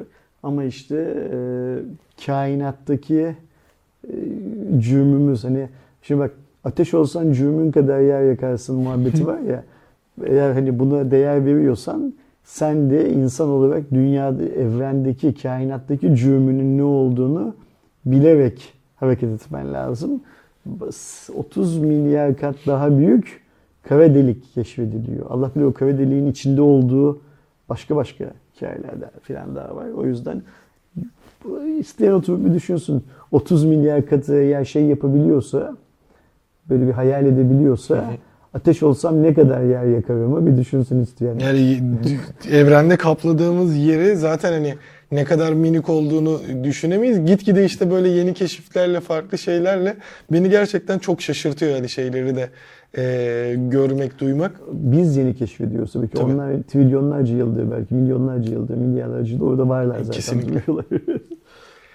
Ee, bir diğer yandan iki tane yani son haberi e, ikilisi olarak diyebileceğimiz bir e, çalıntı durumu var. Yani zaten Veri ayda bir neredeyse verilerimiz bir yerlere Hatta gidiyor. haftada bir bir şeyler konuşuyoruz bu konuyla ilgili ne yazık ki. Bu sefer Getirile bir taksi tarafından e, ortaya çıktı. 25 Mart'ta erken saatlerde Getir'in bünyesindeki bir taksinin hacklendiği iddia edilip 5000 kişinin verisinin eline geçildiği paylaşılmıştı yine bu e, hack forumlarında. Bunun üzerine Getir kendisi e, bir durumu kabul edip ama hani çok fazla bir şeyin olmadığına benzer bir şey. Yani e, sevgili Can burada ekranda paylaşır direkt açıklamayı. Ama daha sonrasında e, erişimin şeklinin araştırdığı söylenirken söz konusu bilgilerin getir hesaplarına erişiminin mümkün olmadığı söylenmiş. Kredi kartı bilgilerinin de yine Masterpass'te olduğu e, söyleniyor. Mastercard altyapısının olduğu bu yüzden herhangi bir kredi kartı verisinde bir e, durumun olmadığı şeydi. Paylaşımı yapan kullanıcı sızıntının ardından her iki şirkete de ulaştığını, şirketlerin sızıntıyı doğruladığını ve geri dönüş yapacağını söylediğini ama cevap gelmeyince satışa koymaya karar verdiğini söylemiş. Ama şu anda e, yöneticiler tarafından o forumdaki paylaşım silindi. Okey. Şimdi e, hırsızın yanında değiliz tabii ki hiçbir zaman ama ne yazık ki böyle konularda hırsızlar aracılığıyla Evet. haberimiz oluyor. Şimdi benim genel tavrım bu konuda çok net. Kişisel verileri çaldıran hiçbir şirketle çalışmak zorunda değiliz arkadaşlar. Ben nitekim bakın aylar önce işte BTC Türk'teki hesabımla artık hiçbir işlem yapmayacağımı, yemek sepetini tüm uygulamalarımdan sildiğimi, artık sipariş vermiyorum filan söyledim. Getir benim için eskiden Samsung'da çalışan Dilge Hanım'ı işe aldıkları gün bitmişti zaten. Ben Getir hesabımı sildim. Getir'in kurucusu olan e, neydi Sabır değil mi soyadı? Nazım Sabır. Nazım Bey de benim bu paylaşımımı görünce beni blokladı sağ olsun. Ama Getir Faiz işte bak böyle fail üstüne fail, fail üstüne fail. Yani Dilge Hanım'ı işe almak tek başına fail değildi. Keşke tek failleri onu işe almak olsaydı.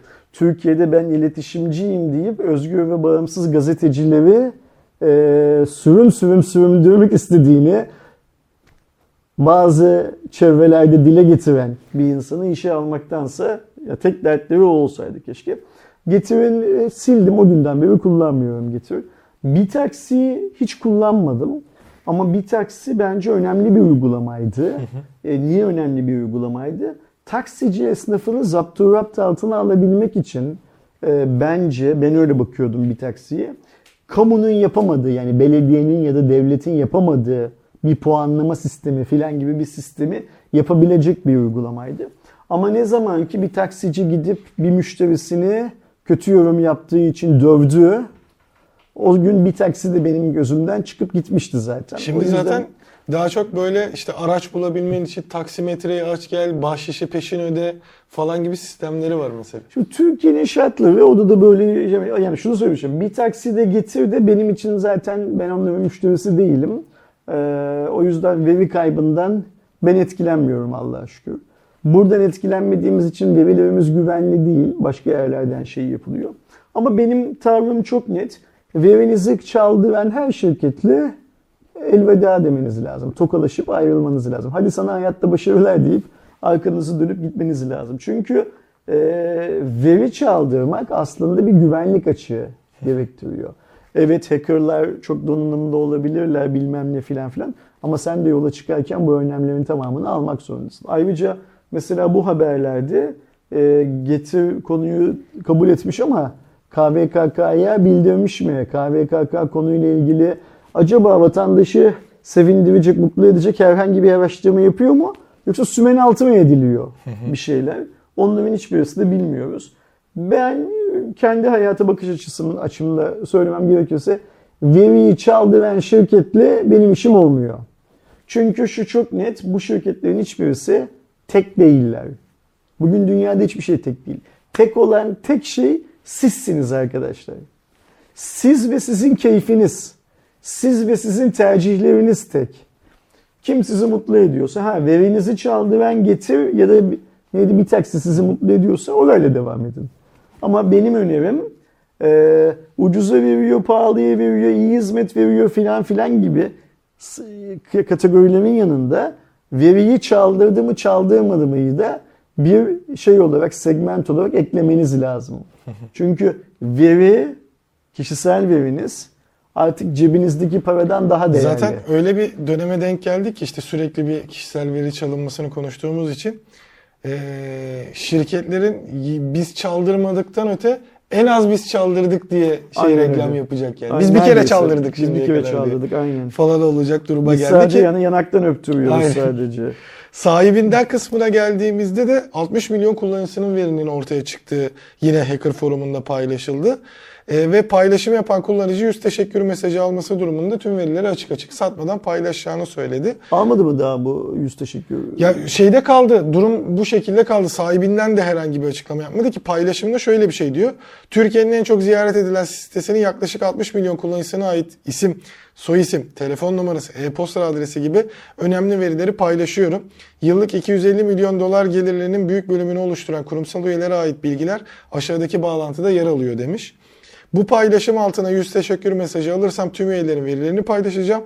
250 teşekkür mesajı alırsam sitenin kullanıcı verilerini e, SQLite formatında paylaşacağım. Şifreler SHA1 algoritmasıyla şifrelenmiş. Dolayısıyla şifreleri kırmak için maden çiftçiliğine ihtiyacınız olabilir. Bu verileri neden ücretsiz paylaşıyorum? Geçen yıl Antalya'da baktığım evin fiyatı bu site üzerinden dolar bazında ikiye katlandı. Artı güvenlik açıklarını ücretsiz olarak ifşa edebileceğimi söyledim ama e-postamı okudular ve umursamadılar. Güvenlik açısından bu kadar rezil bir site görmedim demiş ve eee, şu an için herhangi bir açıklamaya da gelişme Şimdi burada ifşacı sahibinden.com olduğunu dile getirmiyor, tarif ediyor. Bunu okuyanlar sahibinden.com olabileceğini düşünüyorlar. Bunu söyleyelim peşin peşin. Ve ayrıca konuyla ilgili ne sahibinden.com'dan ne de KVKK'dan henüz yapılmış bir açıklamada olmadığı için e, bunun sahibinden.com olup olmadığını bilmiyoruz. Ama benim hatırladığım kadarıyla geçmişte sahibinden.com'da başka sızıntılar olmuştu galiba. Yanlış hatırlamıyorsam Ee, sahibinden.com da benim şey yapmadığım ne derler e, işimin olmadığı platformlardan bir tanesi. E, O yüzden öyle. Orada bir hesabım var. E, ama mesela aylar oldu, yıllar oldu. Bakmadım büyük bir ihtimalle. Zaten e, en son galiba bir 5 yıl önce filan ihtiyacım olmuştu. Ev kiralarken ihtiyacım Benim olmuştu. daha yeni oldu. Ee, burada tabii ki önemli olan şey aslında şu Aydoğan. Sen kullanma ben kullanmayayım sistemi e, nihai bir çözüm değil. Ben bunun farkındayım. Mesela şimdi sahibinden.com özelinde konuşacak olursak bu adamlar artık Türkiye'de ne yazık ki bazı kategorilerde pazar yapıcı pozisyonuna geldiler. Şimdi bu arkadaşların bu konuma gelmesi yasal eyvallah ama Türkiye'deki ikinci el bir şeyler alıp satma, bir ev kiralama filan işlerinde sağlıklı mı? Bu tartışılır. Ee, biz sahibinden.com ve benzeri Ee, sitelerdeki fiyatların nasıl arttırıldığını da geçmişte çok güzel örneklerle anlatıldığını ekşi sözlükte gördük, okuduk değil mi? Sen bir şey Ki söylüyorsun. şey olmuş, e, KVKK'dan ihlal bildirimi yapılmış. Yapılmış mı sahibinden.com için? Ee, Okey. sahibinden için 71.422 kullanıcı, Getir için 5098 kullanıcı diye Okey, söylenmiş. süper, çok güzel. Bu notu paylaştığın için çok teşekkürler. Şimdi burada önemli olan şey işte KVKK ise bunun yani KVKK kurumu kurum olan KVKK'dan bahsediyorum. Kurumu ise bu işin e, şeyi yöneticisi bu verilerin çaldırılmayacağı sistemlerin kurulması konusunda bu şirketleri şey yapmak e, ne derler zorlamak gerekiyor. Yoksa bu veriler çalındıktan sonra cezalar mezalar hep söylüyoruz ya çok da bir işe yaramıyor. Sahibinden.com gibi platformların tekel olmasıysa fiyat belirlemesi ve o fiyatların nasıl manipüle edildiğini anlatıldığı sistem mesela bana çok mantıklı geliyor. Ne diyordu o arkadaşımız? Şunu söylüyordu. Ekşi Sözlük dedi galiba bu bir entry'di. Sen diyordu satacağın araba için bir fiyat koyuyorsun diyor. Bir galerici galeride daha ucuza satarken senin sattığından bir 5000 lira daha pahalıya o da sahibinden.com'a koyuyor arabayı. Ama başka bir hesapla da senin sattığından 2000 lira daha ucuza da koyuyor arabayı. Evet. Pahalıyı gören başka bir şehirdeki Yozgat'taki bir arkadaşımız ben de şundan bir 10 bin lira üstüne koyayım da alan çıkarsa bakarız başımızın çaresine diyor. Ve bu böyle kar topu etkisiyle büyüye büyüye yani her kullanıcının ama 500 lira ama 1000 lira daha ucuz ya da daha pahalı fiyat koyması sonucunda biz en son cihazın, ürünün, hizmetin kaç liradan satıldığını da bilmediğimiz için fiyatlar böyle kar topu etkisiyle büyüyor. Nitekim şu hacker'ın yazdığı bir yılda dolar bazında iki misli artması da evin öyle bir hikaye. Evet kesinlikle. Birisi evi için 10 lira istiyor. Ben o evin arka sokağında bir eve sahibim girip bakıyorum ha diyorum bu adam 10 lira istiyorsa ben de bir 11 lira çekeyim bakayım ne olacak. Sen 12 lira, Doğuş 13 lira, Can 14 lira derken fiyat suni bir şekilde artmış oluyor. Şimdi buradaki hikaye denetleyiciye düşüyor Aydoğan. Doğru.